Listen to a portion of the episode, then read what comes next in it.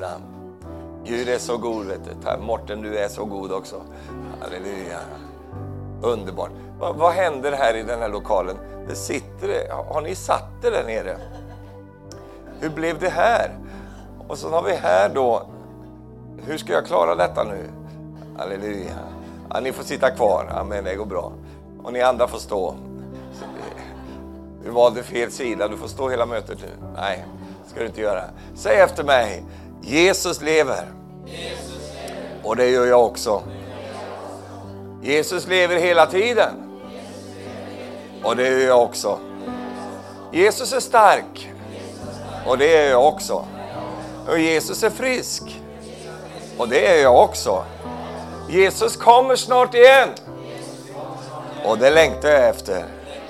Då ska jag hem. Vänd dig till vännen din och säg, du känner, jag är inte hemma än. Jag är på väg.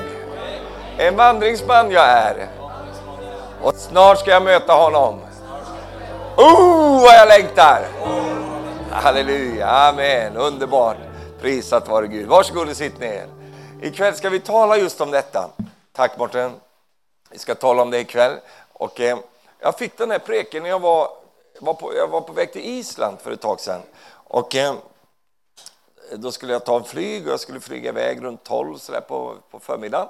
Och sen då hade jag lite för mig där på morgonen. Jag var tvungen att bestyra lite saker i garagen och lite sånt. Va? Så jag var tvungen att hålla på och greja där för att få färdig en grej. Så, och då hade jag ställt min klocka för att Stefan, du måste sluta med det där eh, runt nio för att hinna till flygplatsen. Ja. Men jag var ju inte färdig va? och jag är så svårt att lämna ting som inte blir färdigt. Så jag drog ut brädan, klockan ringde där och så, men jag, jag bara fortsatte att ignorera denna klocka. Så, så till slut så blev jag väldigt stressad då. Och då skyndade jag mig, och sen, för jag skulle ju packa ihop mina, mina grejer och alla mina parfymer och, och sådana här saker som alla herrar har med sig när de är ute och flyger. Så jag, jag tog min väska och packade ner och så fick jag en tanke i hodet. Du kanske inte ska ta med dig så mycket grejer, Stefan. Utan du kanske bara ska ha din weekendbag eh, så du kan ta upp i planen. Eh, sån. Jag fick en sån tanke. Och jag förstår sen att det var en helig ande. Men du förstår att när du är stressad då är det så lätt att missa andens röst. För den milda rösten, den milda stämman från Herren kommer från Herrens eh, ande. Och eh, när man är så uppe i massa saker och så här, och jag höll på där med mina socker och skor och allt möjligt, slängde ner där och höll på och greja med det där. Så jag fick den tanken, ta inte den där stora väskan, utan ta en weekendbag, du ska ju bara vara där eh, tre dagar. Eh, så, och så, jag gör så ibland också. Men jag, jag ignorerade det, för jag ville ju ha mina parfymer med mig och då behöver jag inte gå igenom check, eh, du vet, man får lämna alla de här dyra parfymerna då. Så jag tänkte, jag, jag kör den på bandet, det är så skönt också. På, ja, du vet, man rationaliserar och håller på. Inte du, alltså, det är vittnesbörd här, va? så det är bara jag då. Eh, så jag stressar på så jag rus, rusar till flygplatsen och flög lite eh, lågt flygande Mercedes. Eh, så det gick bra. Så kom jag till flygplatsen och checkade in, allt var frid och fröjd och allt sånt där. Sen hörde jag när jag satt på flyget att det var strejk i Danmark. Markpersonalen strejkade, så det är ingen, de, väskor och allt sånt där, det blir bara ståendes där. Så, så jag kommer till Island och då har jag bara det jag har på mig. Eh, och jag har ingenting med mig, jag får ingen väska, jag stod och väntade länge, det kom ingen väska. Och vet du vad, jag var där på Island hela helgen och hade ingen väska. Den kom aldrig. När jag skulle åka kom den. Det här har jag varit med om förut. Eh, så, så det är ingen nyhet i den bemärkelsen. Men jag drog mig till minnes att det fanns en där i min, eh, i min walk-in closet. jag har en liten egen grej, jag går in där. Jag stod där med min väska där och så att jag fick en tanke. Du ska nog bara ta med dig weekendbagen. Eh, och så. Då hade jag ju haft vad jag behövt där. Och den där stora väskan som sen kom när jag skulle flyga hem, det var helt onödvändigt att den ens var ute och for i luften där. För strejken var över där på söndagen och då, då, då började de sortera ut allt det där. Och då fick jag en preken, som så många gånger förr. Och den preken handlade om att du och jag, vi tränger inte att resa med så tung packning.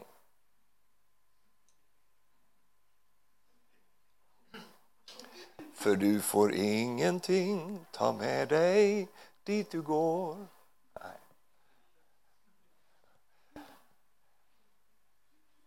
Och det är min preken idag. Res med lätt packning. Du behöver inte ha med dig så mycket.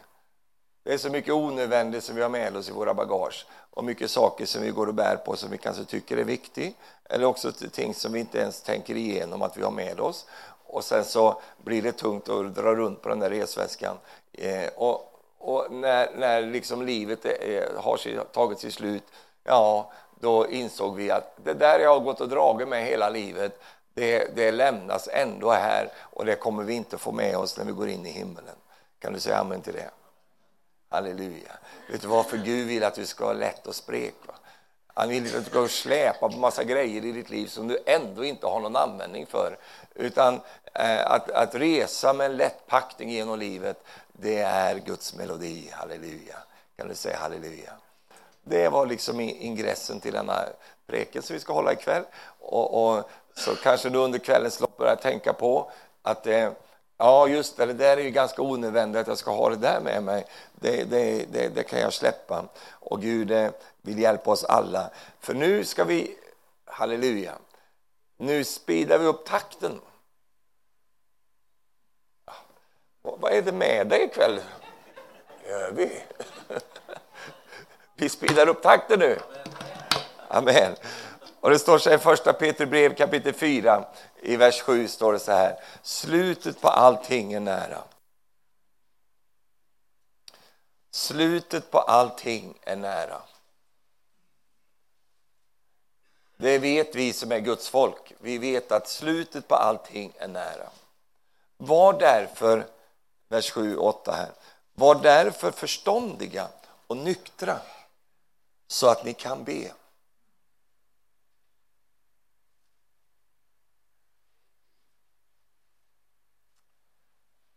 Var förståndiga och nyktra så ni kan be. Jag finner att det är en väldig onykterhet bland Guds folket. Alltså, vad är det att vara nykter i, som frälst? Jo, det är ju att hålla sig till den sunda läran. Det är ju att hålla sig där strömmen går. Och det är väldigt mycket liksom spring efter både det ena och det andra. Och det kommer bara öka. Och du vet ju, vi har citerat det och Paulus säger ju så här, det kommer den yttersta tiden. Då kommer det vara så att, att människor kommer att samla till sig hoptals av lärare allt eftersom det klör dem i öronen. Det är ett våldsamt kliande. Köp en tops istället och klia i örat där. Du inte ha förkunnelse som kliar, utan förkunnelsen ska göra något annat. Den ska mätta din ande. Men onykterhet det vet ju du, det kanske du inte vet, men, men du, vet, du vet att du känner till den tanken. Du kanske inte har druckit så mycket sprit och sånt. Men den onykterhet gör ju att du blir oförståndig. Du fattar dumma beslut när du är onykter. Du, du får för dig allt möjligt när man är onykter. Det är därför som vi slår ett slag för nykterheten. Tänk vad mycket ödeläggelse som människor har gått igenom i sina liv därför att de satt vid, vid flaskan och att de, de dröjde vid vinet och höll på med allt detta. Därför att det, det, det skapar så mycket onödvändiga slitage. Och, och, därför så håller vi oss borta ifrån det. Amen. Eh, vi gör det av det enkla skälet att vi behöver vara fokuserade. Eh, vara nyktra. Varför skulle vi vara det? Så att ni kan be, säger han här. Framför allt, går han vidare och säger, så ska ni älska varandra innerligt. Ty kärleken överskyler många synder. Så i, i den tid som, som, som han beskriver här, Petrus, att slutet på allting är nära, då vet vi också att Jesus har sagt att i, i den tiden så kommer kärleken kallna hos de flesta. Och därför så ska kärleken öka hos oss som, är, eh, som tillhör Jesus. Vi ska ha mer kärlek Eh, för att kompensera bristen på kärleken som är runt omkring oss. Låt oss älska varandra innerligt, ty kärleken överskyler en myckenhet eller många synder. Nåväl, Eftersom det är som det är så får man navigera utifrån den terräng som är nu.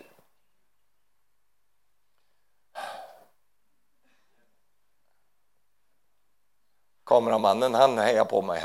Halleluja. Vi, vi lever ju inte i början på 1900-talet. Oh, att jag önskar att vi hade gjort det. På många måter.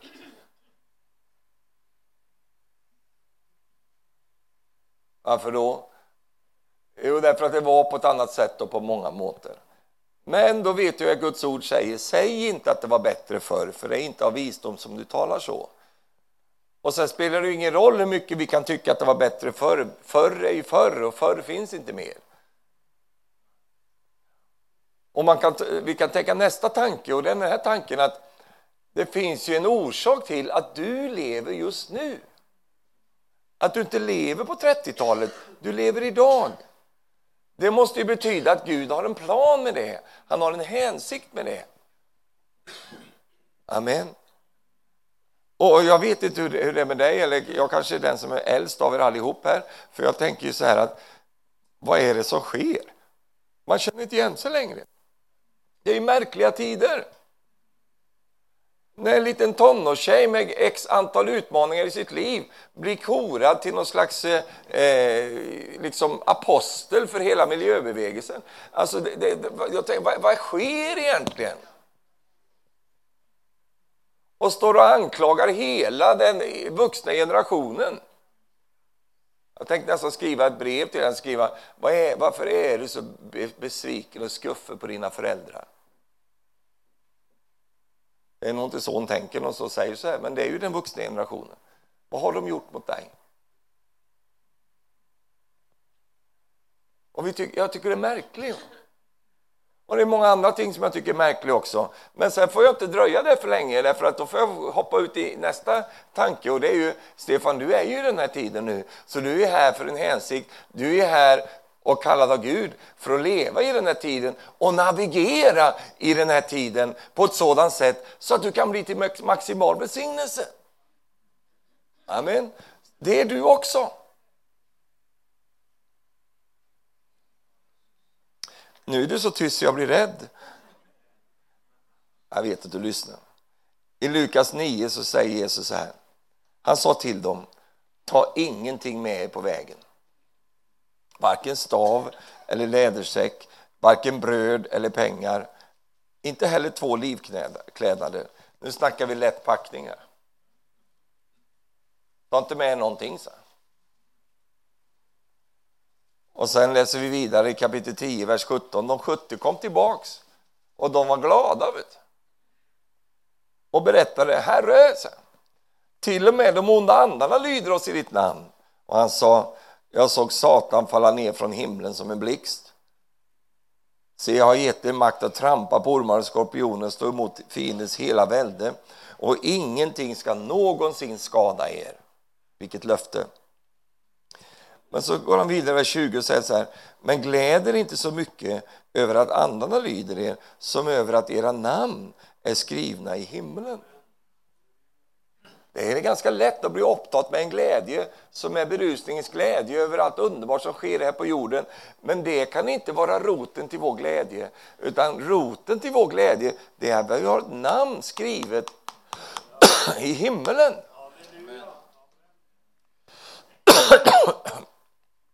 Hostade, det var inget ord. Utan det var...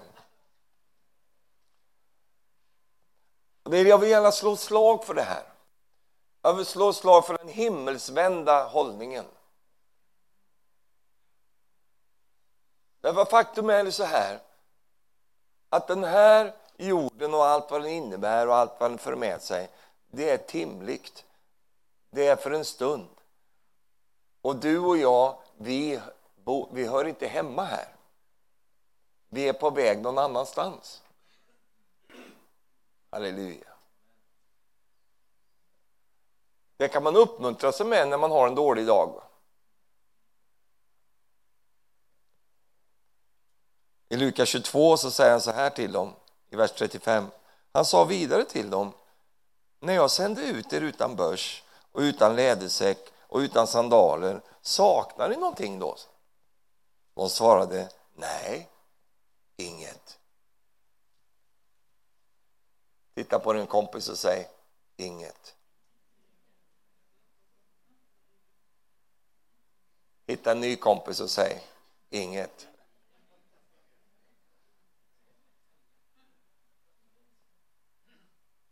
Lättpackning. Vi reser med lättpackning. Halleluja. Amen. Varför då? Jo, därför att vi inte är här på jorden för att stanna. Vi är på genomresa. Vi är på väg till himlen. Du, vet, du får komma ihåg att, eller du behöver inte komma ihåg, men jag kan, jag kan säga det här till dig. Jag växte upp i en tid man bara förkynte om himlen. Det var himlen i varenda möte. I himlen vi går, dit synden aldrig når. Härligt land där härskar evig vår. Där sol är Herren själv, där flödar livets eld. Och syskon, låt oss alla mötas där.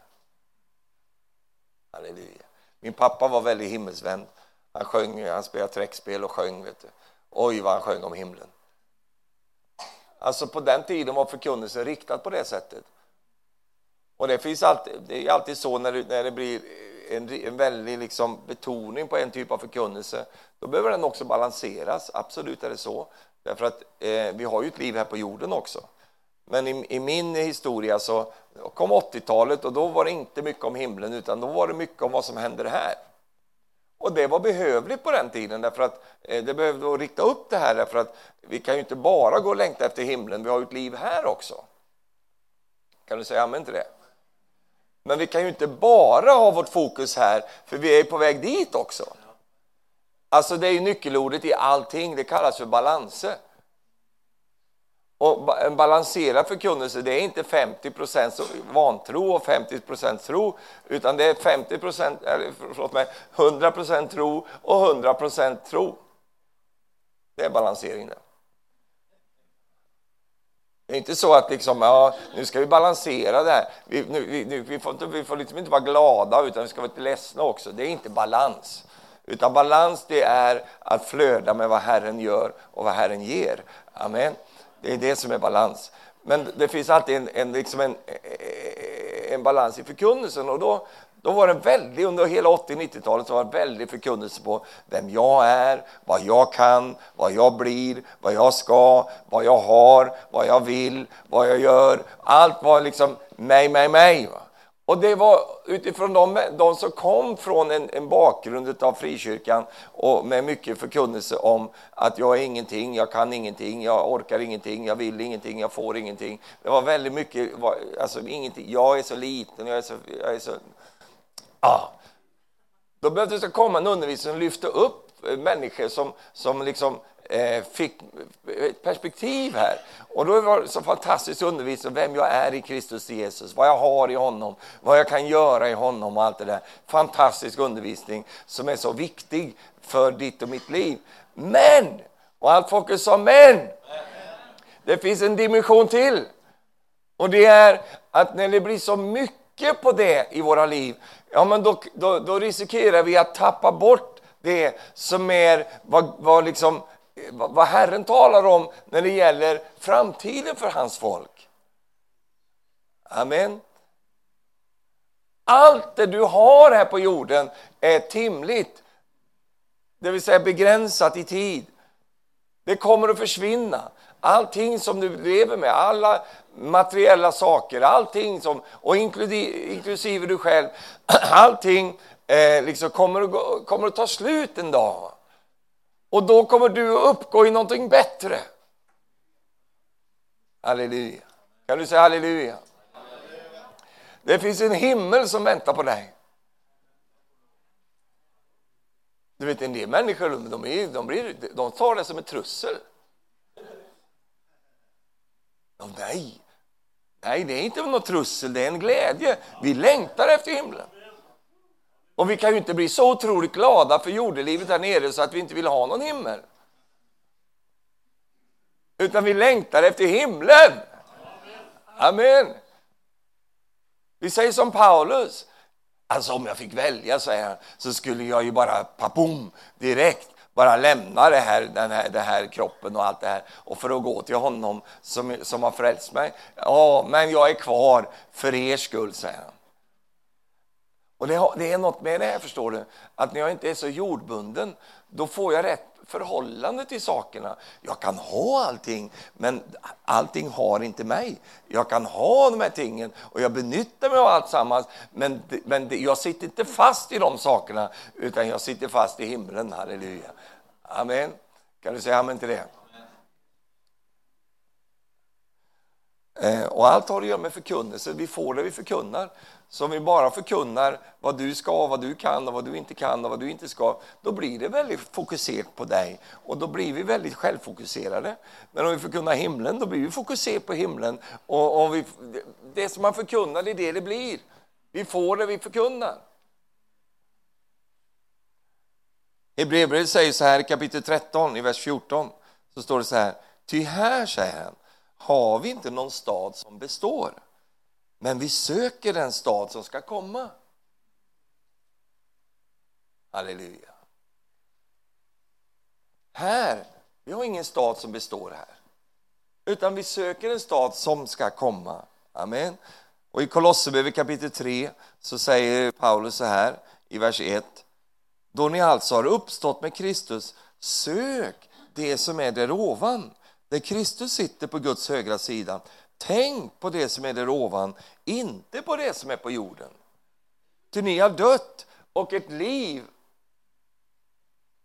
är dolskylt med Kristus i Gud. Halleluja. Alltså, vad är fokuset här? Jo, fokuset är där ovan. Amen. Och vad gör vi då? Jo, vi har vårt fokus där ovan. Så, så att säga, vi hämtar styrkan därifrån för att leverera ut den här nere på jorden. Alltså, vi, vi, vi, vi lever vårt liv i övervåningen. Och ibland kommer vi ner i undervåningen, halleluja, med kraft från övervåningen.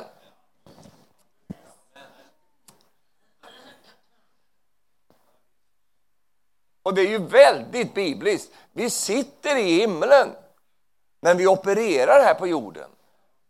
Vår position är i himlen, men vi lever ut den positionen här på jorden.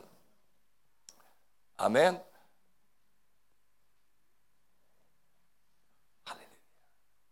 Vilket gör att då om det är lite bökigt här på jorden ibland och det är på visst, på visst sätt i livet med omständigheter och så, så är, är det mycket lättare att förhålla sig till det om jag har min bäring i himlen.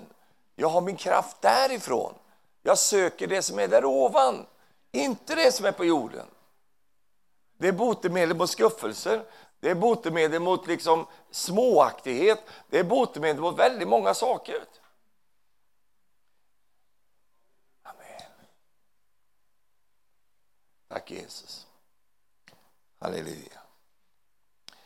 Jag tänker på den här missionären som jag hörde om som åkte ut, jag har väl kanske berättat den en gång förut, han åkte ut eh, som missionär. På den tiden åkte man ju ut och så kom man ju aldrig tillbaks eh, först i slutet av livet om man fick, om man fick leva. De tog ju med sig brädor och allting för de skulle ha till sin egen kista. Eh, det var radikala missionärer. Så de reste ut och han var ute hela, hela, sin, eh, ja, hela sitt liv egentligen.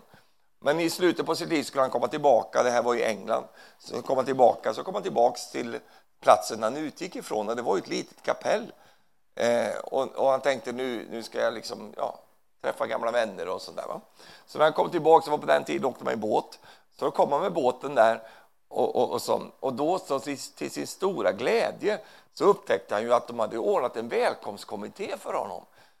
Så när han kommer in i hamnomloppet där och ut med stora blåsorkestern och röda mattan, borgmästaren och, och han säger kära någon, alltså vilken lön jag får för det här. Fantastiskt! Och när han då kommer i land så inser han att det var ju inte de som de, det var inte han som de välkomnade, utan det var ju någon annan eh, liksom, potentat va, som hade varit ute och gjort några affärer eller något sånt där för stadens räkning. Och när, och när han kom i land var på samma båt så var borgmästaren ute och liksom så fint allting och sånt. Och den här missionären stod på båten, inte en människa kom ihåg han hade varit ute hela livet också, man var väl döda förmodligen. Men inte en människa kom ihåg honom, ingen var där för att säga hej, ingen välkomnade honom. Så han går i land eh, så skuffad, så besviken och går upp till kapellet som han utgick ifrån. Och när han kommer in i kapellet så är det ingen där, ingen möte eller något. Så han går in där och så bara suckar han till Herren ganska bitter och så säger han, jag har tjänat dig hela mitt liv. Jag har varit ute, gick ut från det här kapellet, fick ett litet underhåll, gick kunde leva på det.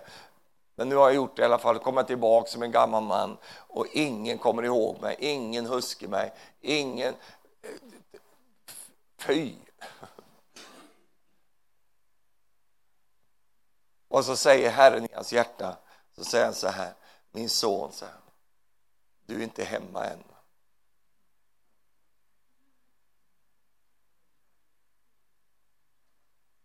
Du är inte hemma än. Tänk på det när du blir förbigången. Tänk på det när människor glömmer bort dig. Tänk på det när liksom du inte får den credden som du kände att du skulle ha. Eller. Tänk på det. Många, många som, som får uppleva det. Vi ska nog bli ganska förvånade när vi kommer till himlen vilka det är som får segerkransar och vilka det är som får jubelfesten och vilka som, är, som får sitta på den himmelska Nobelfesten.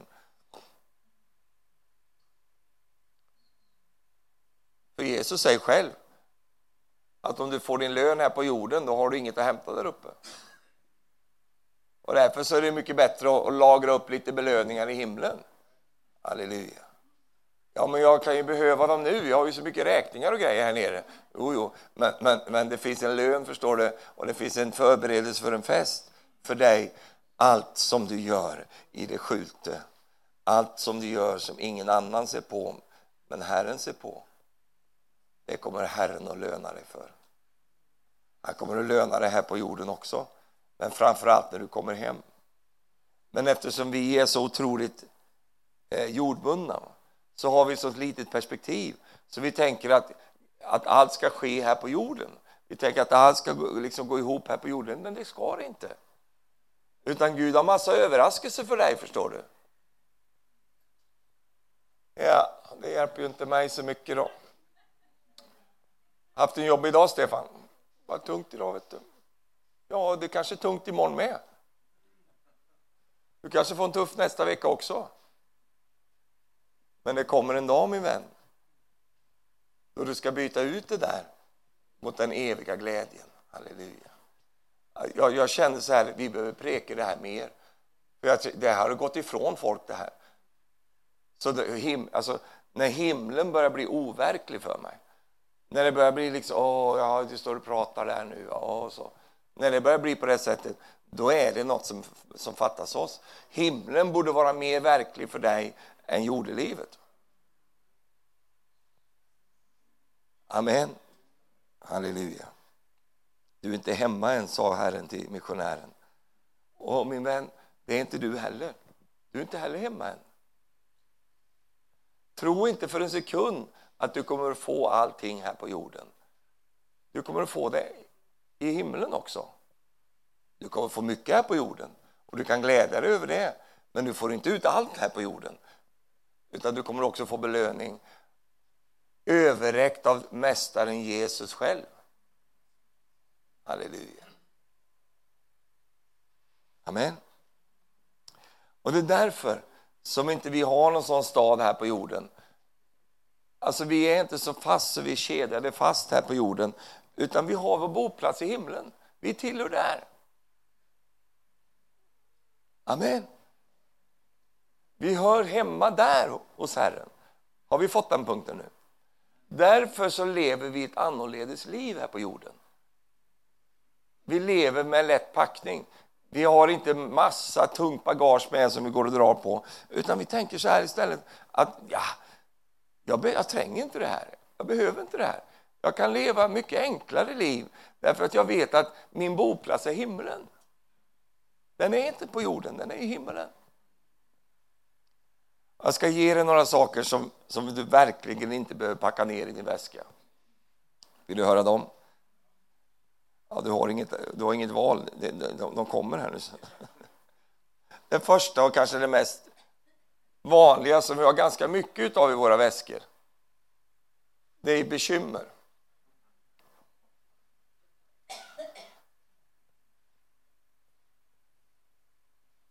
Har du haft någon bekymmer någon gång?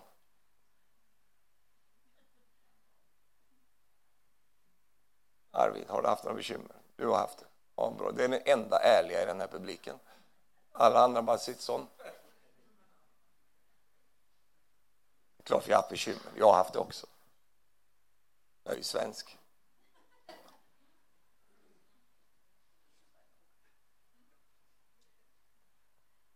Och det här har vi prekt om förut, så att jag, jag ska inte gå ut för långt på det.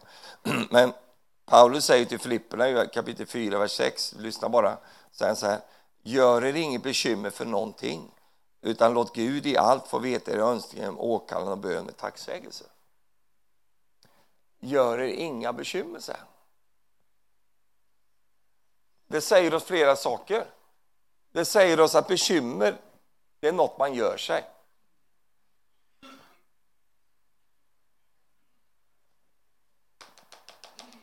är så underbart med såna hårda biblar, det hörs när man knackar på dem. Gör oss inga bekymmer. Du kan ha många utmaningar i ditt liv och det kan ske många saker i ditt liv, men det betyder inte att du gör ett bekymmer av dem. Att du gör ett bekymmer av dem, det betyder att du har gjort någonting med den där saken. Jag kan inte låta bli, Arne jag måste ta den här igen. Alltså, jag har tagit den här förut, men, men, du kanske inte var med då. Och även om du var med då så fattar du inte då, så vi tar den igen. Det var, det var ganska många år sedan nu som jag, jag, jag liker att handla lite sådär på, på, det fanns inte på den tiden. På den tiden fanns det Gula tidningen, hette den. nu är det Blocket och Finn och alla de där. Man kan hålla på och köpa sig grejer. Jag tycker det är så kul. Jag tycker det är så kul att ringa och pruta och snacka med folk. sådär. Jag har Alltid någon sån här liten grej som jag är intresserad av. Och då frågar jag alltid, vad är ditt lägsta pris? Skriver ja, men det har jag skrivit i annonsen. Det bryr jag mig inte om att höra sånt. Utan jag skickar till riktigt sånt där superpris. Nu har jag köpt lite träningsgrejer. Det tycker jag du ska göra också. Inte för att jag tycker att du behöver träna, men det, du kan få väldigt bra pris när du köper träningsgrejer. Och jag har märkt det, vet du, för folk köper såna här roddmaskiner och, och såna här, alla möjliga såna här grejer för kroppen. Va? Eh, och så köper de det och så använder de det tre gånger. För varenda annons jag läst om de där, så här, jättefin träningsmaskin, väldigt lite använt. Så, och, och, folk vill bara bli av med de där grejerna, för de tar mycket plats. Och jag tror det är så här också, att deras dåliga samvete om den där maskinen står där och talar till dem. Du borde använda mig lite mer. Du borde cykla på den här lite nu. Du borde ha, köra lite sådana här grejer nu. Så de, de, klarar inte till slut, så de slänger ut en annons. Säljes billigt. Så. Jag köpte en roddmaskin för en, förra veckan. Så en liten roddmaskin. Jag har ingen båt. jag köpte det. Ska du börja träna så var det en som sa till mig att eh, ro på en sån här roddmaskin, då tränar du alla musklerna. Så jag tänkte, det var smart. Då. Så då köpte jag en sån. Då. Så ringde jag på en, de skulle väl ha, tror jag, det var 2500 kronor för en sån här roddmaskin. Och då visste jag, lite använd står Så då skickade jag, jag ger 500 spänn för den där. Det pling, plingade till, taget. Vi köper det direkt, var jätteglad att någon svarade på annonsen. Då var jag ju tvungen att köpa den också, så sitter jag med roddmaskin hemma. Jag prövade den lite idag på morgonen, körde lite. Jag hade ställt den in i någon skrubb inne, inne i... Alltså, jag tycker den var så ful, va? så jag ställde den, satt jag där inne. Det var alldeles mörkt där inne, så satt jag så här rodde i den där. Så kom Marie ner och sa, vad gör du här inne? Så, jag, jag, jag ror lite. Så. Det kan du inte ha en här inne. Ta ut den så, så du kan ha den vid vindrutan och kan titta ut och så där. Ja, men den är så, den är så stygg, så jag vill inte se den. Så jag har den där inne i. Men då säger Marie, men jag vill också ha någonting att hålla på med, så. Jag vill ha en sån här som man går så här. Ja, det var ju hur lätt som helst, bara ut på Blocket och kolla. Visst, det fanns ju mängder av såna här prylar där. Va? Så skickade jag en där. Han skulle också ha lika mycket, nästan 3000 för det där. Så jag skickade in en, ja du får 700 spänn för den. Japp, det kom ett svar där, japp. Så det ger lite tips att du kan hålla på med. Var, var, var var jag någonstans i predikan? Jo, då var jag där och höll på med den där. Och då, då skulle jag köpa en TV. Och det var på den tiden då man hade tjock-TV. Kommer du ihåg den där tjock-TVn? Då var det inne. Va? Ska man ha tjock-TV. Nu ska det vara tunn-TV. Men eh, ja, ska man ha tjock-TV. Och då hade jag hittat en på Blocket där, Eh, eller Gula Tidningen. Och sån, en tjock-TV. Och den, det, var, det var ju som finsk TV. Salora. Det låter som en människa på något sätt. Salora. Och jag, så, jag hade varit, och så stack jag och köpte den där och, och liksom montera upp den där och så skulle ha alla liksom, vi skulle, det var, liksom, det var en sån här stor tv på den tiden, det var lite häftigt då. Så jag köpte den. Och så monterade jag den, satte i ordning den och så varnade lite chips och Coca-Cola eh, och lite grejer där och snop och sånt. Eh, och så satt vi där. Så kunde man kolla på barnprogram där. Och jag, visst är den fin? Så, visst är den fin? en fin tv pappa har köpt nu. Ja, jättefin pappa, jättefin. Och mitt i det här tv-programmet va, så bara högg det till in i tvn. Va? Och det högg till in i mig också. Alltså. Och så kom det upp en, en sån här, du vet, ett streck på tvn. Och sen tvärdog den bara, helt svart. Och då var någon av mina barn, pappa, den funkar inte den där du. Jo då, den funkar jättebra. Så gick jag, gick jag fram och slog på den och höll på där. Vet jag fick inte igång den. Ja, jag var så, som du också blir, va? har blivit lurt här nu. Fy, liksom. Aldrig mer en finsk tv. Alltså. Aldrig. Salora, du kunde väl fattat själv. Du köper ingen Salora? Eller? Vem i din bekantskapskrets har en Salora? Det är väl ingen människa som köper sånt. Jag, jag, satt, men den tvn där, Salora var tjock-tv, tung sak. Den gjorde en liten transport. Den flyttade från det rummet in i mitt huvud. Så då gick jag och la mig. Och så skulle jag gå och lägga mig. Gissa vem som gick och la sig också? Ja, det låg ju Salora där också. Hon låg mellan mig och Marie. Och Marie sa, vad tänker du på gubben? Ingenting. Ingenting, så. Det bara osade Salora i huvudet på mig. Salora. Jag sov jättedåligt den natten, för jag låg och tänkte på liksom, hur kom, hur, jag måste köpa en hagelbössa nu så jag kan skjuta den där som har sålt den här till mig. Och jag höll på där vet du, och tänkte, vad är det för fel på det där? Jag är en sån där kille som ska fixa mycket. Vad är det för fel? Ska jag riva isär det här nu och hålla på? Men då hade jag bibelskola, jag skulle undervisa bibelskolan dagen därpå.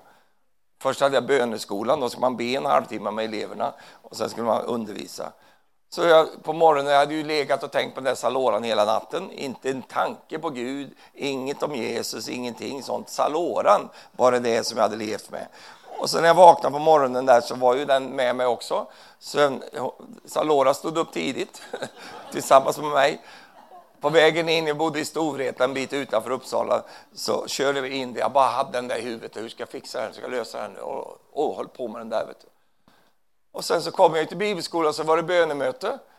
Och då skulle vi bedja, alltså, det var lätt att be med, med de här ungdomarna där, de satte igång av sig själva tack och lov. Så fick jag tid att ägna mig åt Salora. Så de bad på där vet du, och jag bara Salora, Salora, Salora. Åh, oh, Salora. Så jag gick fram och tillbaka på golvet. Det var det enda jag tänkte på var den där tvn.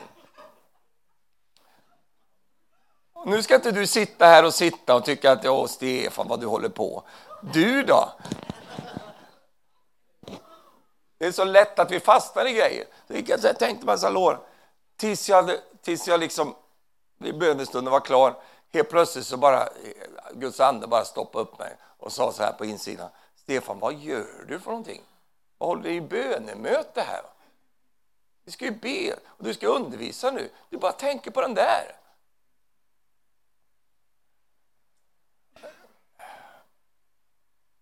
Precis som du gör med din båt. Då. Eller vad du nu är för någonting som tänker på. Nu ska dra upp den, ska, bilen har gått sönder, nu ska jag fixa den nu. Halleluja Jesus, amen. Jesus, tack Jesus, tack Jesus. Oh. Och så är det bara de här grejerna. Va? Men då fick jag ju skärpa till mig och sa att jag Herre, tillge mig för det här. Och Jesus, jag, tok, jag släpper det här nu. Herre, här har du en Salora, helt gratis ska du få den. Varsågod. Så jag skickade upp den till honom. Att jag struntar i den där Saloran, jag släpper Och då släppte det, vet du. Då bara, jag hade jättebra bibelskola, det hade jag alltid. Men det var, det var bra då med. Eh, så det gick superbra. Då var jag inne i flödet och salvelse och sådär. Var superglad och sånt. Sen skulle jag åka direkt och predika efter det där. Så då satte jag mig i bilen och skulle sticka iväg på möte. Eh, och sen ringde jag i bilen till mina barn. Eh, det var ju på tidig kväll. Så frågade jag, vad gör ni för någonting? Så. Nej, vi kollar på tv, pappa. Jaha. Vad kollar ni på? Vilken tv kollar ni på? Nej, vi kollar på Saloran. Va? Men den funkar ju inte. Jo, den funkar jättebra. men hur fick ni igång den? Vi bara satte på den, pappa. Den funkar jättebra. Det är så, tänkt, här har jag ägnat nästan ett dygn, ett halvt dygn och ruvat mig och grunnat över detta till någonting som löses av sig själv. Vet du vad, den där saloran, den höll i årevis. Jag var så trött på den efter ett tag. Vet du. Jag ville döda den, hugga sönder med yxa. Jag hade flera år, den var ju så tung. Så det slutade med att vi slängde den där på soptippen. För den, den vägrar att dö, vet du.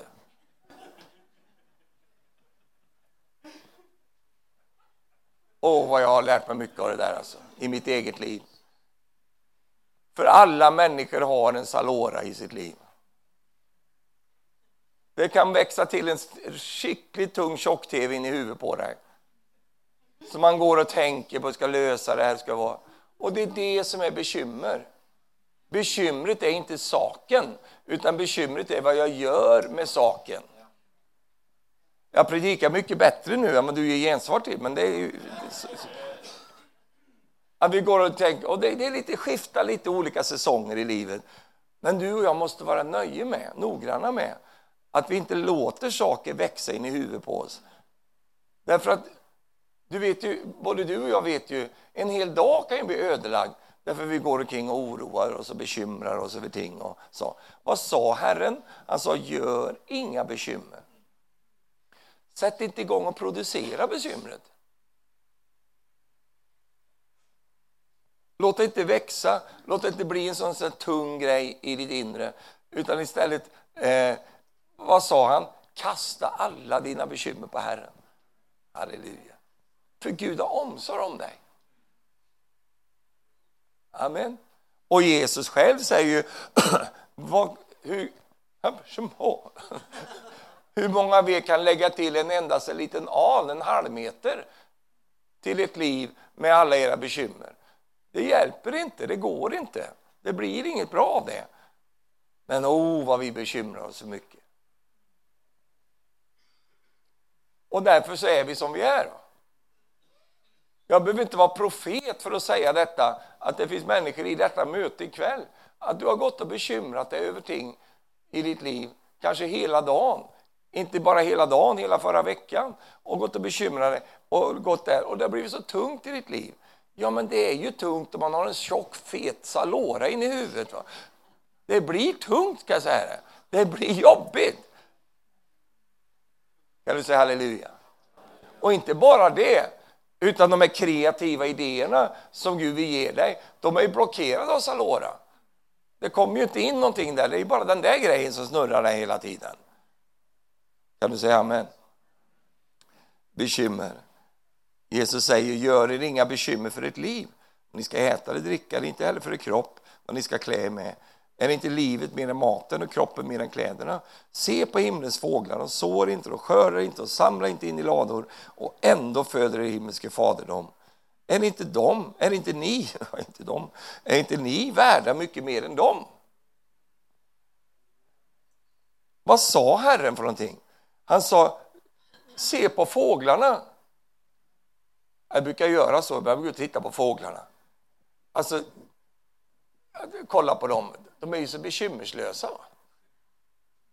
Jag tänker så här, vad skönt det skulle vara att vara en fågel ibland. Eller har du tänkt vad skönt det skulle vara att vara en katt? Sova hela dagen. Ute och ränna på nätterna. Det är bekymmerslöst. Va? De har inga bekymmer. De bara... Och vad sa Jesus? Han sa, se på dem. Kolla på dem. Så kan du leva. Ja, de har inga bekymmer för någonting. De. Och, och vår himmelske fader, han föder dem. Och så gör han med oss också. Är inte vi mycket mer än dem?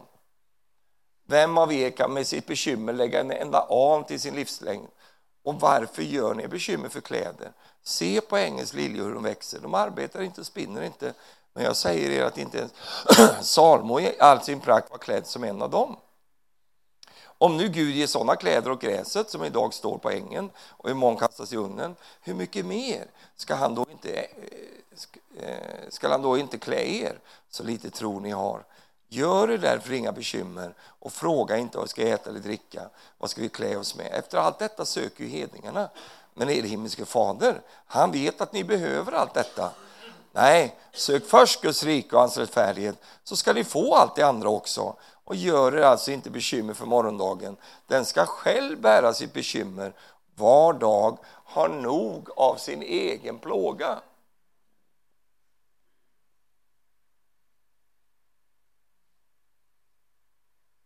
Halleluja.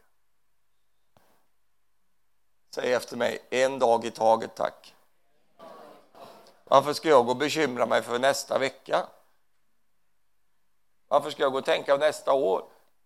Var dag har nog av sin egen plåga. Lev där, halleluja. Och det finns nåd för varje dag också. Den andra saken som vi inte reser med, vi stoppar inte ner det i våra väskor, och det är oro. Och I Lukas 10 så, så talar Jesus till Marta och han säger så här, Marta, Marta, du gör dig bekymmer och oroar dig för så mycket. Men bara ett är nödvändigt. Maria har valt den goda delen och den ska inte tas ifrån henne. Ett är nödvändigt. Alltså av allt jag håller på med, ett är nödvändigt. Om vi bara kan tänka, jag har ju lite olika sådana principer jag kör ut ibland. En som jag heter principen om först. Vad gör du först? Och så har vi en till här, principen om ett. Alltså av alla ting jag håller på med, vad är nödvändigt här? Och det var ju det Jesus sa till, till Marta. Nu är det en ting som är nödvändig här och det är, titta på Maria, hon har valt ut den goda delen. Det ska du också göra. Amen. Det andra har du också i ditt liv, men av allt det vi har så, så frågar vi oss själva, av allt det här nu, vad är det som är nödvändigt för mig att göra nu? Vad, är, vad ska jag satsa på här nu? Ett är nödvändigt. Det finns alltid något som heter ett. Halleluja. Jag fick höra förra gången att jag inte gick så mycket här borta. Men jag får inte gå, det är stängt här. Det finns en linje här, så jag får inte gå längre än så här. Annars hade jag kommit till... Men jag kan stå här och prata lite då. Halleluja. Det är inte det att jag, jag vänder inte ryggen till det, men det är ju byggt på det sättet. Eller hur Arne? Vi, vi har det ju så här. Så vi får göra så här.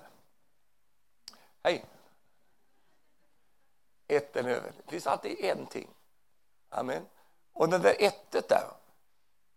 Det var ju inte så att, att Marta eller Maria det var ju inte så att Maria var lat. Det är en del som får för sig det. Hon är en latmask bara sitter och gottar sig på möten. Det är inte sån. Det var inte Maria var inte sån. Men det var ju det att Marta, hon var ju överallt och ingenstans. Hon sprang ju överallt. Och jag tänker Jesus blev nog ganska störd på henne. Alltså. Frustrerad över henne och sprang fram och tillbaka med tallrikarna där. Hur kul är det att komma hem till någon som är på det sättet?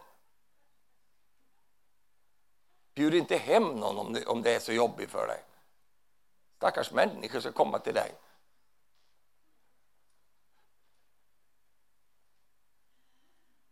Har du tänkt på att du ska bjuda hem några vänner? Som kommer på lördag kväll. Det första med att du smäller en stekpanna i huvudet på gubben på morgonen. Upp med det nu! De kommer snart! Ut med söpplet, klipp plänen, vaska bilen, vaska alltihop.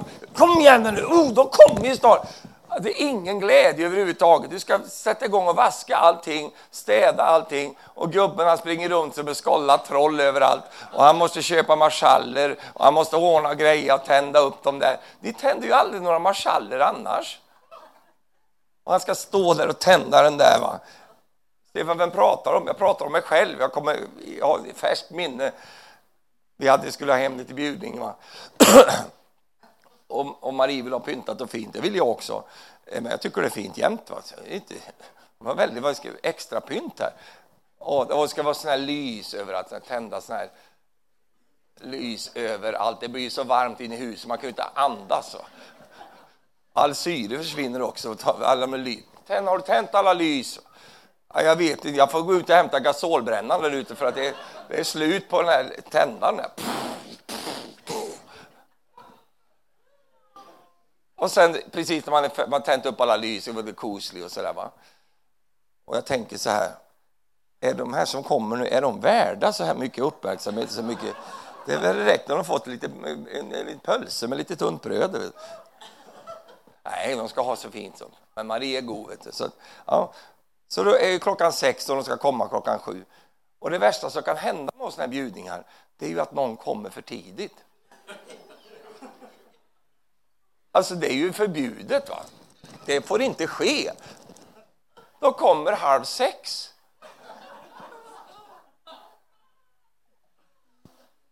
Och du står där med vaskeborsten ner i don där och river runt. Och du håller på där. Och så har de kommit för tidigt. Och du vet, vad är det för idioter som jag bjuder hit? Fattar de inte kutym? Förstår de inte? De ska ju komma fem minuter för sent. Nej, för tidigt. Det är inget väckelsemöte vi ska vara på här nu. Då ska man komma tidigt. Men då kan ju komma lite sent. Man, ordna, man kan ju skapa hela den här falska tillvaron så folk tror att man har det så fint jämt. Och jag kommer ihåg, så stod jag där då, och tände såna här marschaller. Och så funkar ju inte den. Vi har ju tänt upp hela huset. Det var ju överallt, nere i källaren, i don, överallt. Man ska tända luktljus. Va? Det var ju slut på den där tändande. Stod jag där. Jag, jag blev så irriterad. Varför ska jag hålla på att tända den här för? Mm. Stod och knäppte med den där. Så hörde jag in. Har du tänt den där du? Det, det går inte. Det funkar inte. Så jag fick gå in i garaget. Jag har en stor sån här gasolgrej inne. Gick jag ut där. Hela stearin, allt bara flög upp så här. Det var stängt överallt. Så kom jag in till Marie. Jag har tänt den du. Den är tänd. Jag har dålig kvalitet på den nu. Den brann upp snabbt den du. Så hade jag stearin på byxorna upp här vet du. Ja, så går det vet du. Det är väl lite Marta.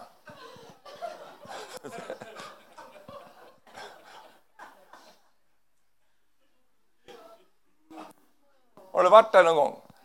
Upplevt det där någon gång? Att det ska vara så pyntat och fint, det bryr sig ju inte de om. De går ju inte med, kommer inte in med förstoringsglas, ska kolla igenom här. Ja, ska vi se om de har en massa stöv och grejer. De, de är ju inte där för ditt stöv. De är ju där för dig. Jaha. Och sen när de åker hem, ja då har du hodepin, du har fått migrän och, och, och liksom begynnande kräft och allt möjligt. Liksom. Så ligger ni där på, i sängen helt slut, orkar inte prata med någon och oh, fy, aldrig mer ska bjuda hit någon. Det är klart det är trevligt när det är lite pyntat, lite fint, det är inte det jag säger. Men det finns ju gränser för saker och ting. Kan du säga amen? Ja.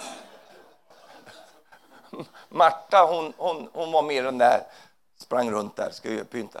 Allting runt Jesus. Det är så mycket som vi håller på med runt Jesus. Och så glömmer vi bort att huvudpersonen sitter ju där. Han vill att jag ska umgås med honom. Han struntar väl i om jag har tänt marschaller eller inte. Va? Det bryr inte han sig om. Han är man.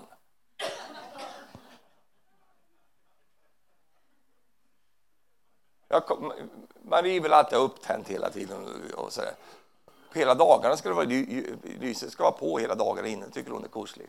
Men jag glömmer ju alltid sånt. Va? Så jag sitter tidigt på morgonen och tittar. Det är alltid mörkt, va? kolsvart. Sitter. Har du inte tänt? Nej, det glömde jag. Du. Har du tänt upp i levande ljus? Nej, det, det glömde jag också. vi män är, ja, inte alla män som är sådana, men jag är sån i alla fall. Jag glömmer de där grejerna. Men kvinnorna, och det är ju fantastiskt, att eh, de gör det lite kosligt sådär. Marta sprang runt med det där. Men Maria, hon såg ju någonting här. Hon såg att, okej, okay, Jesus är inte alltid här varenda dag. Nu satsar vi på honom. Och då kommer Marta med tanken av att hon skulle få rätt här. Så hon kommer nu, nu är det menighetsmöte i den lilla menigheten. Det är bara tre medlemmar. Lazarus, Maria, Marta och så pastorn Jesus. Det ska vara menighetsmöte, jag ska ha en sak jag vill ta upp här. Med dig, käre Jesus. Det är en sak som har hänt här i menigheten.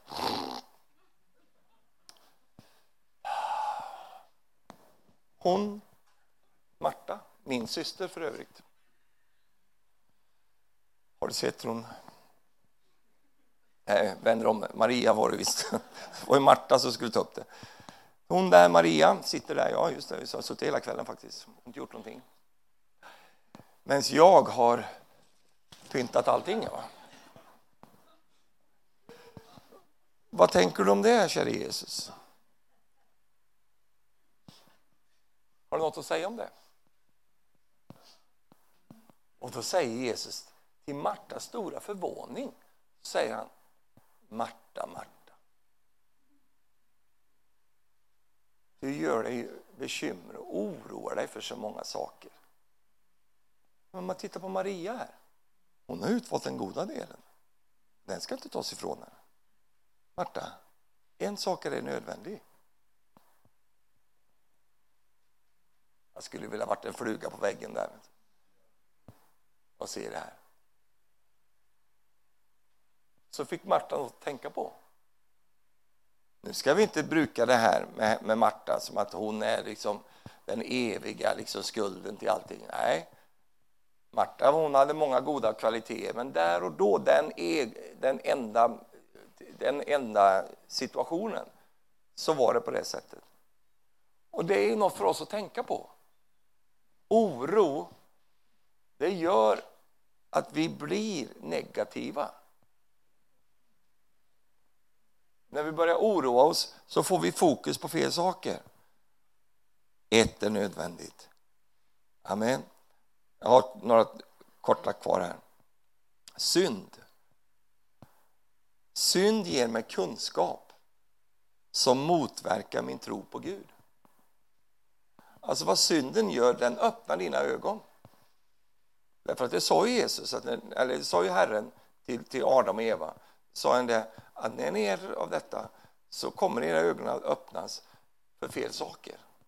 Det är precis vad som händer. Synd öppnar mina ögon för fel grejer. Det motverkar min tro på Gud. Amen. Det öppnar mina ögon för fel saker och den berövar mig någonting. Den berövar mig den där oskuldsfullheten. Alltså den här barnatron, den där, den där enkelheten. Den försvinner när synd kommer in. Och därför så ska jag motarbeta synden. Att det, vi packar inte ner massa synd när vi reser genom livet. Därför att vi blir så ödelagda av den. Vi håller oss ifrån den. Särskilt synden, säger jag, som så hårt snärjer oss. En annan sak som också är någonting som vi inte ska resa med och det är kärleken till pengar. För, för Paulus säger till Timoteus säger så här Gudsfruktan i förening med ett förnöjt sinne, det är verkligen en stor vinning. Vi har inte fört in oss, med oss någonting in i den här världen och inte heller kan vi ta oss med, med oss någonting härifrån. Har vi mat och kläder ska vi vara nöjda med det. Men de som vill bli rika, de råkar ut för frestelser och snarare många oförnuftiga skadliga begär som störtar människor i fördärv och undergång. Ty kärlek till pengar, det är en rot till allt ont. Och i sitt begär efter pengar så har somliga kommit bort från tron och vållat sig mycket lidande. Alltså, han, han pratar inte om pengarna, utan han pratar om vårt förhållande till pengarna. För du ska ha massor av pengar. Är det någon som ska ha mycket pengar så är det du. Tack Dieter. Massvis. Men pengarna ska inte ha dig. Alltså pengar är en underbar tjänare. Oh, vad den kan hjälpa till i livet. Oj, oj, oj, vad bra det är att ha pengar. Det är så bra, vet du. Och det, den hjälper oss och tjänar oss och tar hand om oss på alla möjliga måter. Fantastisk tjänare. Men den är en förfärlig kung och ledare. Och har du pengarna som kung, pengarna som ledare, oh vilket slaveri den för dig in i alltså. Och därför nu, jag vill bara slå ett litet slag för det här nu därför att vi ska in i ett övermåttan välsignat tillstånd alltså. Gud ska, jag sa det här en annan gång, Gud ska välsigna sockerna av det.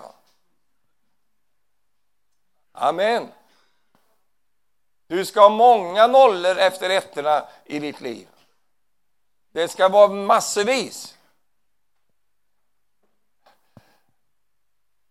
Du bara sitter och småmumlar lite där. Du ska vara jättevälsignad.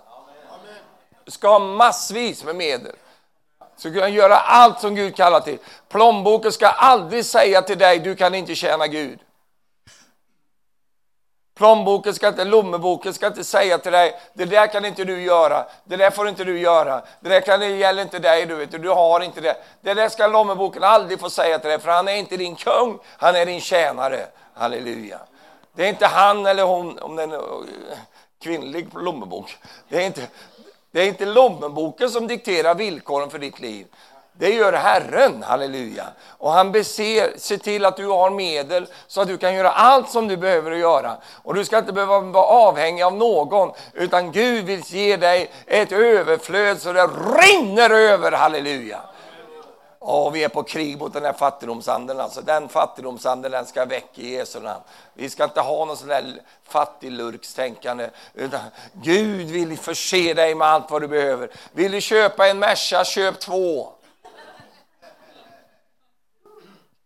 Halleluja. Vad vill du? Gud kan överösa. Han har inget problem med att du har fina saker. Han har inga problem med det alls. Han är ganska fin själv, han vet du. Han har det rätt bra han själv, du vet. Han, han, han sitter på grejer han. Han har en del ägodelar om man säger så. Ja, han har inget problem med, han är ingen missunnlig Gud. Alltså du, har du skaffat dig sån du? Jaha. Han kommer inte från Sverige, vet du. Och han kommer inte från Norge heller. Missunnelsens land. Att man är missunnlig på varandra. Ja, så han grannen, han köpte en ny bil han nu. Ja. Hur fick han råd med det? Mm, han har lånat förstås. Mm. Det är till att vara fin. Han vill åka fint. Ja, det är bättre det än att åka fult. Eller inte åka alls. Om Greta får bestämma får ingen människa åka.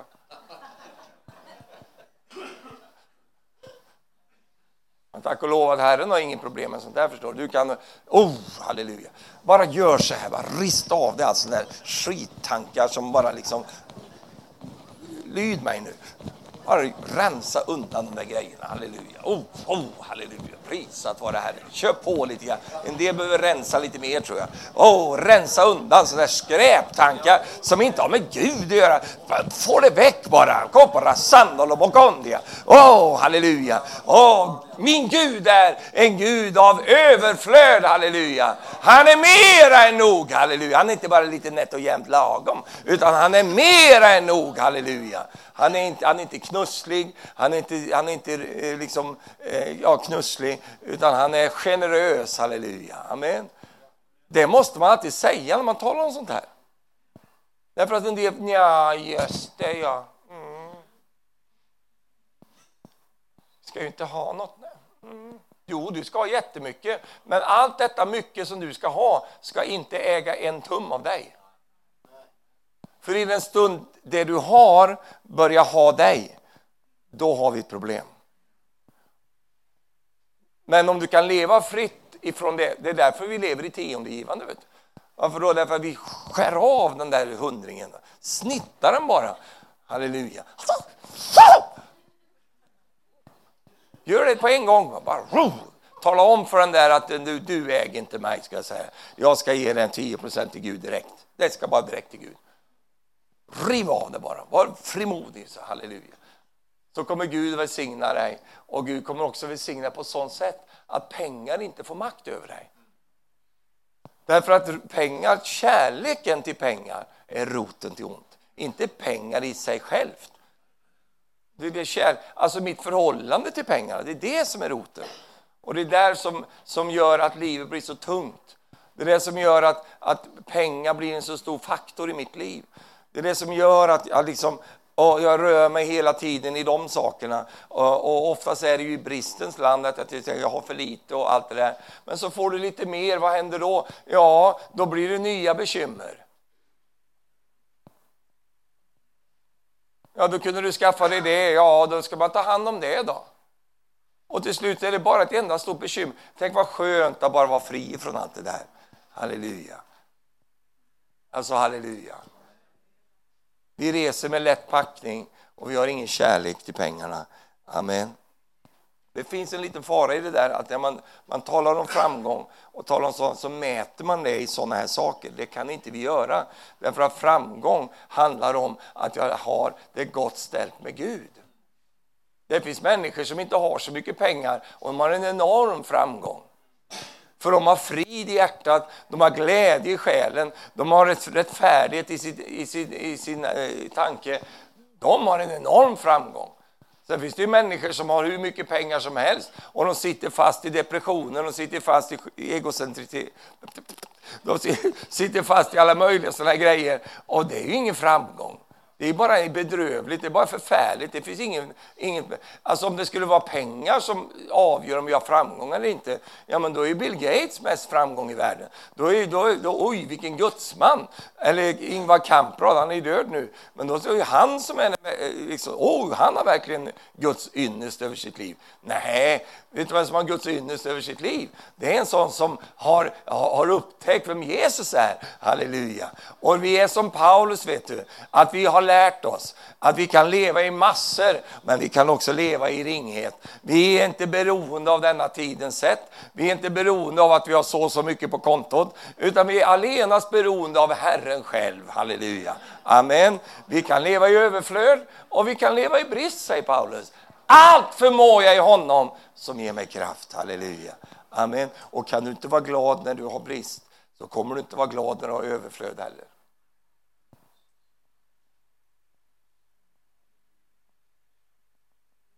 Superbra predikan det här. Alltså jag lyssnar på det här bandet själv. Alltså. Jag predikar till mig själv. Alltså en del människor de lever i bortom, bortom det här landet. Där bortom, där ska jag ha det underbart, jag ska vara glad. Men nu är jag sur, för nu har jag inga pengar. Och då, då undrar jag mig den där tanken av att nu kan jag inte vara glad, du kan inte vara Du är glad, du kan vara glad när som helst. För det är ett sätt för dig att säga till vår lommebok, du bestämmer inte över mig. Du talar inte om för mig när jag kan vara glad. Du talar inte om för mig när jag kan vara fri. Det är inte du, som, du är inte min herre, det är Jesus som är min herre. Det är han som bestämmer. Amen. Jag har två stycken kvar här och vi, vi hinner dem. Stress, det har jag varit inne, jag har haft en hel preken om stress, jag ska inte ta den för mycket. Stress är en sån där sak som du inte ska packa ner i din väska. Därför att stressen den förstör den, den gör att du blir så förminskad. Stress är någonting som tar livet på människor och stress är någonting som, som får det, bara som jag minns på när jag gjorde den här predikan, att man missar liksom den helige Andes tilltal. Bara för att man stressar så mycket.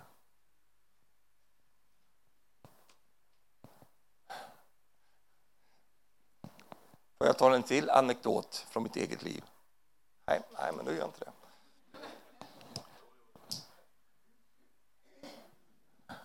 Rune, jag tar en för Rune då. Jag skulle göra om hemma i pannrummet. Jag skulle lägga på lite flytspackel, göra det lite fint och så få, få det, ja, greja lite. Ska lägga på. Så gick jag ut i garaget och blandade till det där, där bruket där som jag skulle använda och körde med så. så. Så var jag så stressad för jag skulle iväg på någon möteshelg. Jag ska alltid iväg på möteshelg. Så jag skulle iväg på en möteshelg, så jag får skynda mig att slänga ut det här flytspacklet här nu. Så, sen brinner det ju ganska fort, alltså, brinner, alltså torkar. Så man måste ha ju bara en kort tid på sig att få ut det där. Så jag var så stressad, vet du. Så, så tror du inte då att när jag kommer ner där, snubblar jag ner där och häller ut hela det här bruket på den fina parketten som vi hade lagt där. Va? Hur kul är det? Så jag fick ägna hela den där dagen och försöka, oh nej, och torka upp det där och få upp det ifrån så det inte rann ner i, i, bland listverket och sådär. Och än idag så har jag sådana lämningar kvar efter det där när jag går förbi och tittar på det där. Mm, du ser inte det, men jag ser för det är bakom dörrar och sånt. Och så tänker jag så här, stress, det gör att vi trampar ner målarburkarna, vi trampar ner liksom bruket och, och så. Därför att vi är liksom stressade. Finns det någon här som har varit stressad någon gång? Och vad fint, jag får lite händer i luften här. Hur tycker du att du levererar när du är stressad? Har du tänkt på hur du spiser? Du kanske ska fråga frun. Har du tänkt på hur du spiser när du är, när du är stressad? Som värsta ekorre. Och så går du så här, jag har så ont i magen, så ont i magen. Ja, ni inte undra på.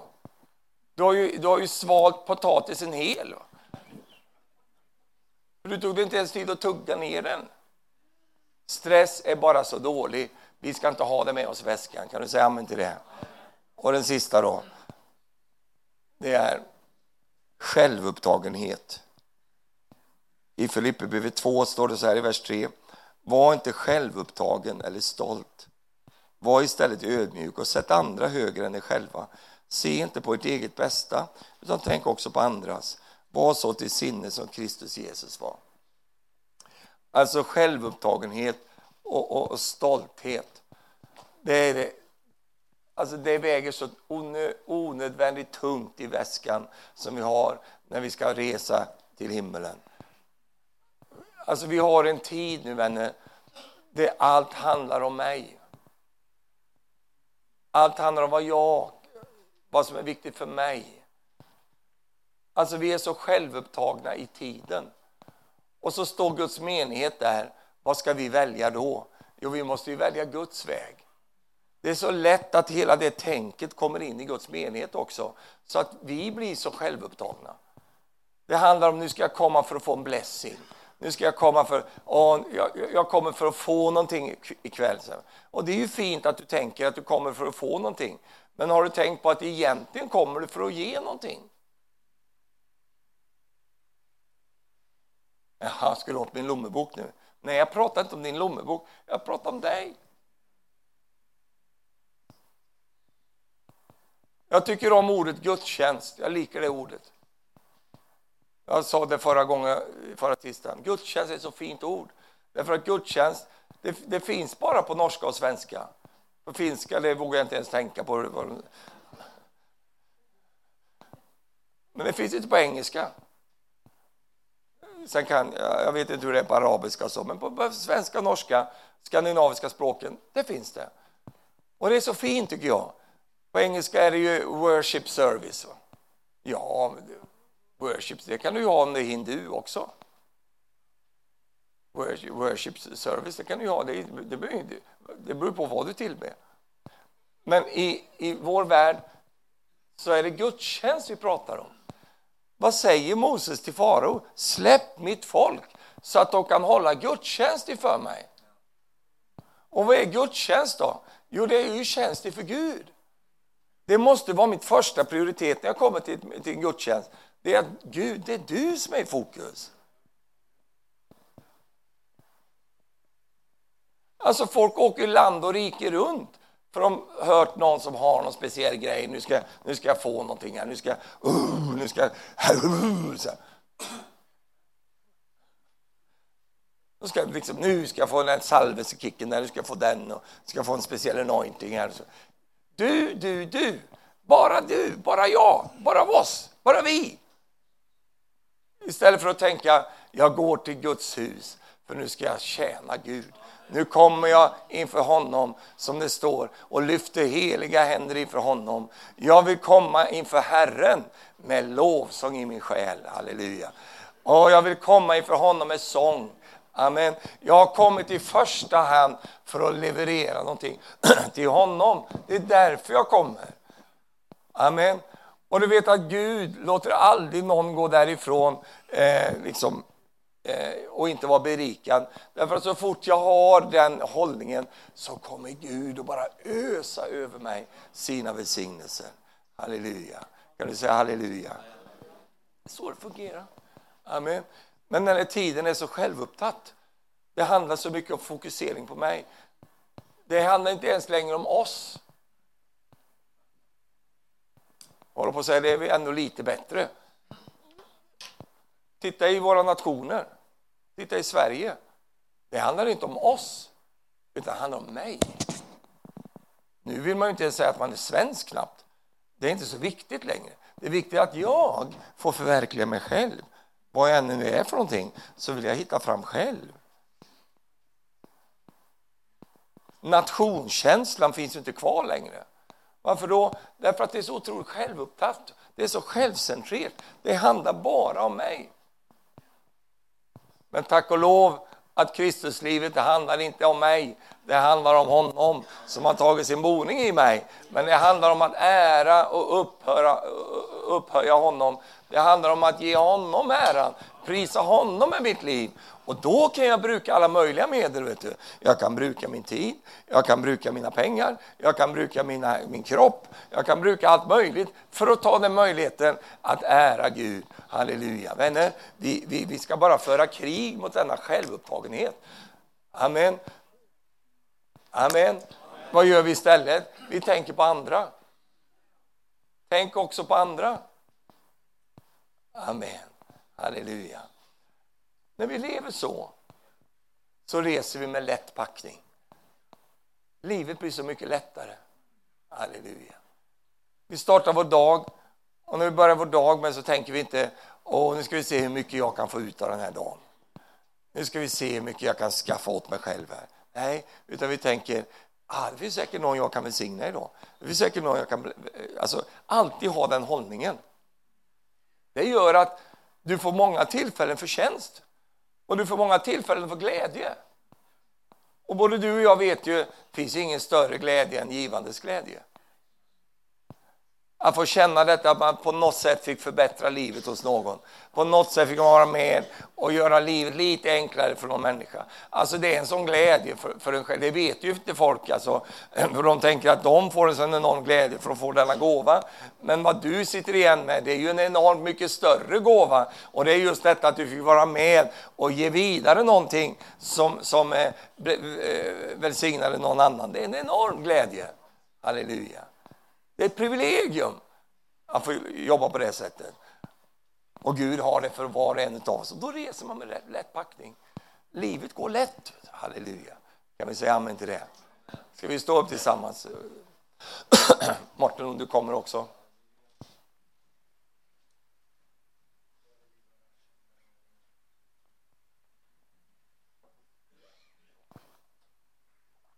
Halleluja, tack Jesus. Tack Jesus. Tack Jesus. Vi ska bara, du spelar lite där borta. Vi ska bara lite kort bara gå igenom det här vi i bönen nu tillsammans. Bekymringar, oro, synd, kärlek till pengar, stress, självupptagenhet. Det ska vi plocka ut i väskorna nu. Plocka ut det ur din väska. Halleluja. Hur gör jag allt det här?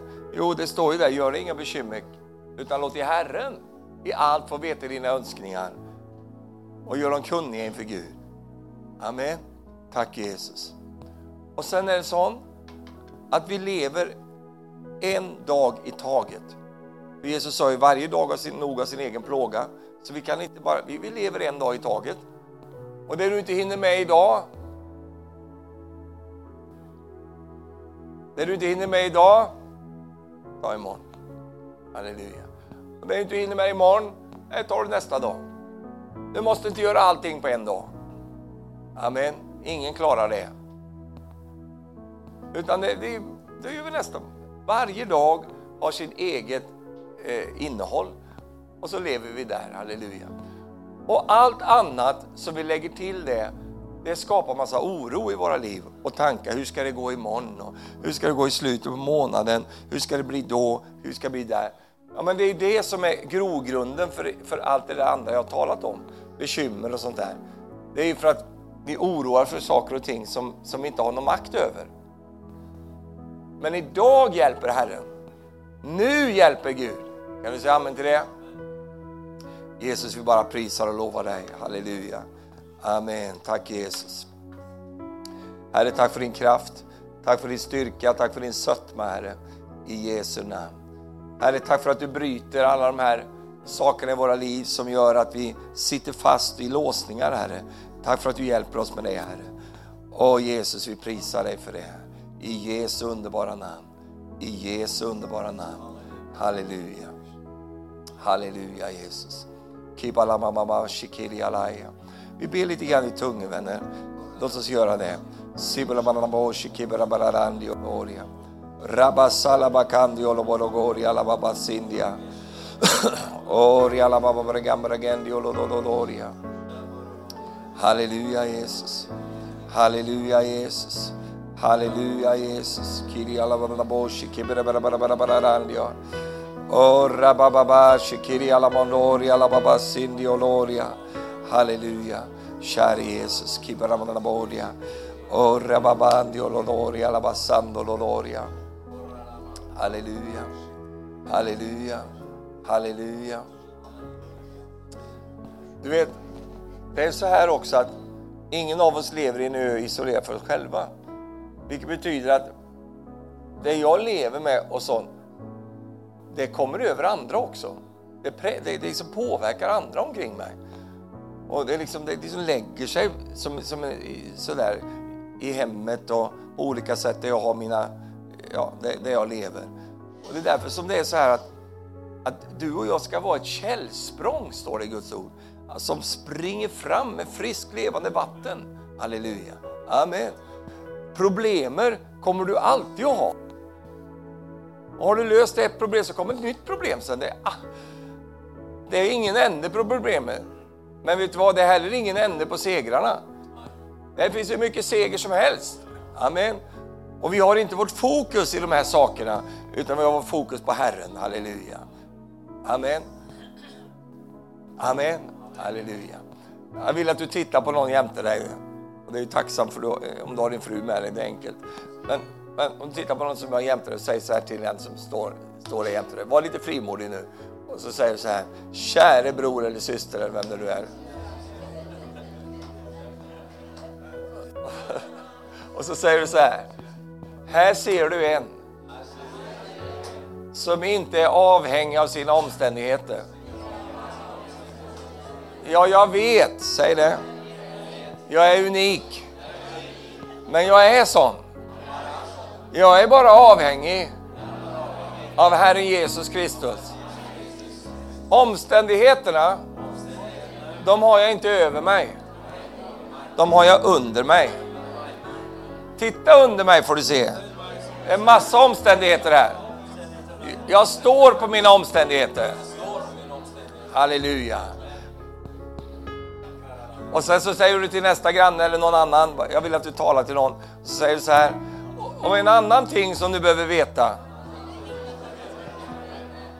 det är att mina pengar, de bestämmer inte över mig. Jag har inte lommeboken närma hjärtat. Jag har den i bakfickan. Så att jag kan sitta på den och kontrollera den. Halleluja. Mina pengar når ända upp i himlen. Och himlen når ända ner i mina pengar. Du förstår, jag är välsignad. Jag är försignad med, jag är välsignad med himlens alla välsignelser. Kär, titta på någon, du tittar bara på mig. Säg, käre vän. Du tittar på en väldigt välsignad person här. Halleluja. Och jag min vän, fortsätt. Och jag min vän, jag reser med lätt packning förstår du. Jag åker inte med tunga grejer. För dit jag kommer, dit jag går, det tränger jag ingenting. Jag får allting. Halleluja. Amen. Halleluja. Tack Jesus. Tack Jesus. Halleluja. Tack Jesus. Jag ska ge dig, en, en, inte en hemlighet, men jag ska ge dig en, en, du vet, vet du, du kan alltid resa dig upp över dina omständigheter.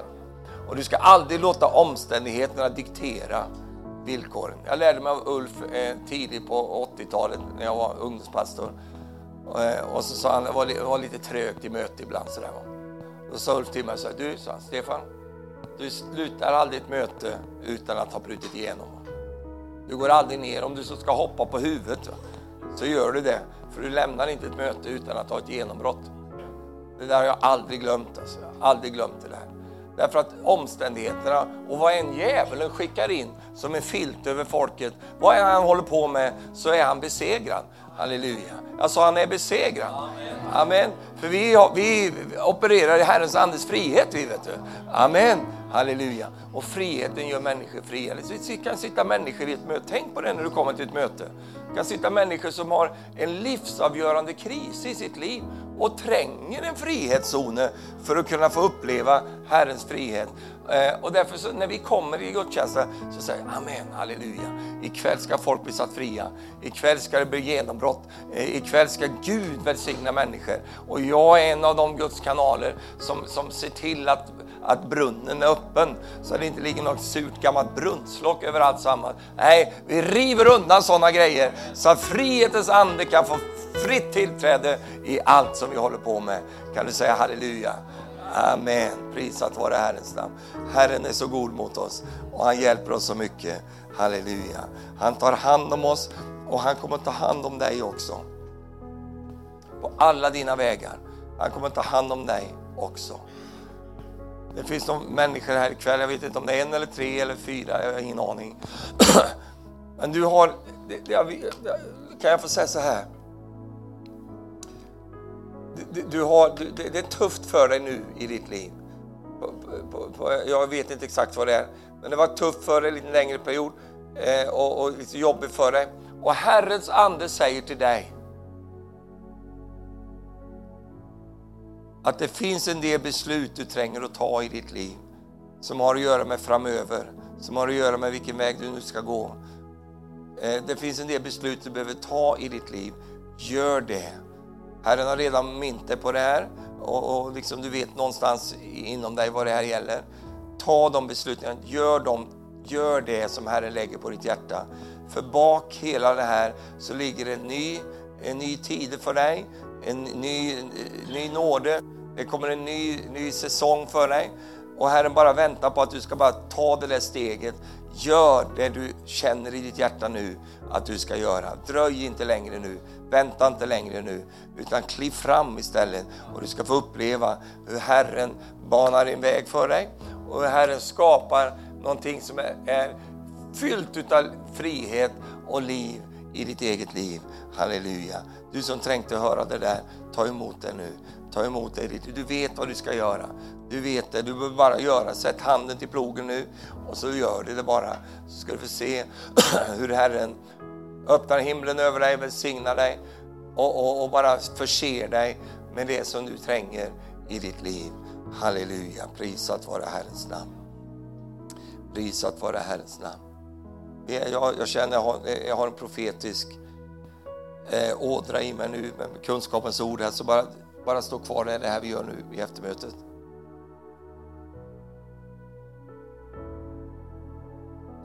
Finns någon annan här ikväll?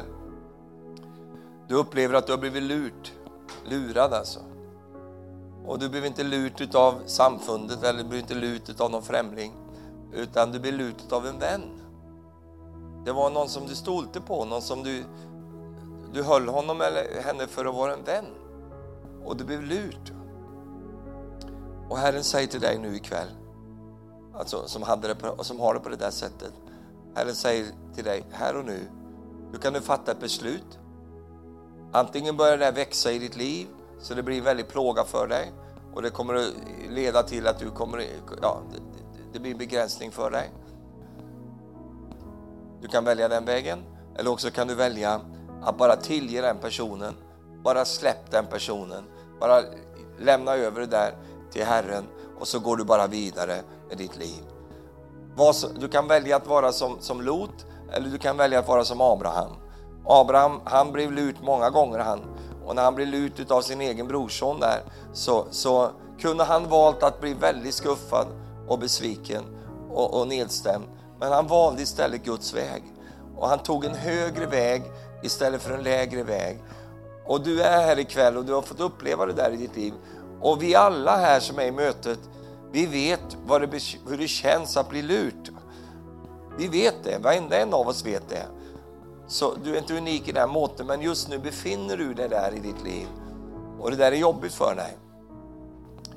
Och Herren bara uppmuntrar dig och säger, välj den högre vägen. Välj den högre vägen. För du ska veta det, att när du gör saker inför Gud så kommer Gud alltid att se till att du kommer ut på det vinnande laget. Du kommer att komma igenom, det blir du som blir välsignad. Gud har sitt sätt att ha omsorg om dig.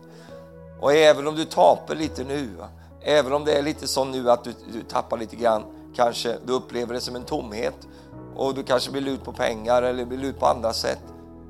Även om det är så i ditt liv, här och nu, så kommer Gud se till att du får överflöd tillbaka och han kommer ge dig tillbaks allt vad som har blivit taget ifrån dig därför att du väljer en högre väg.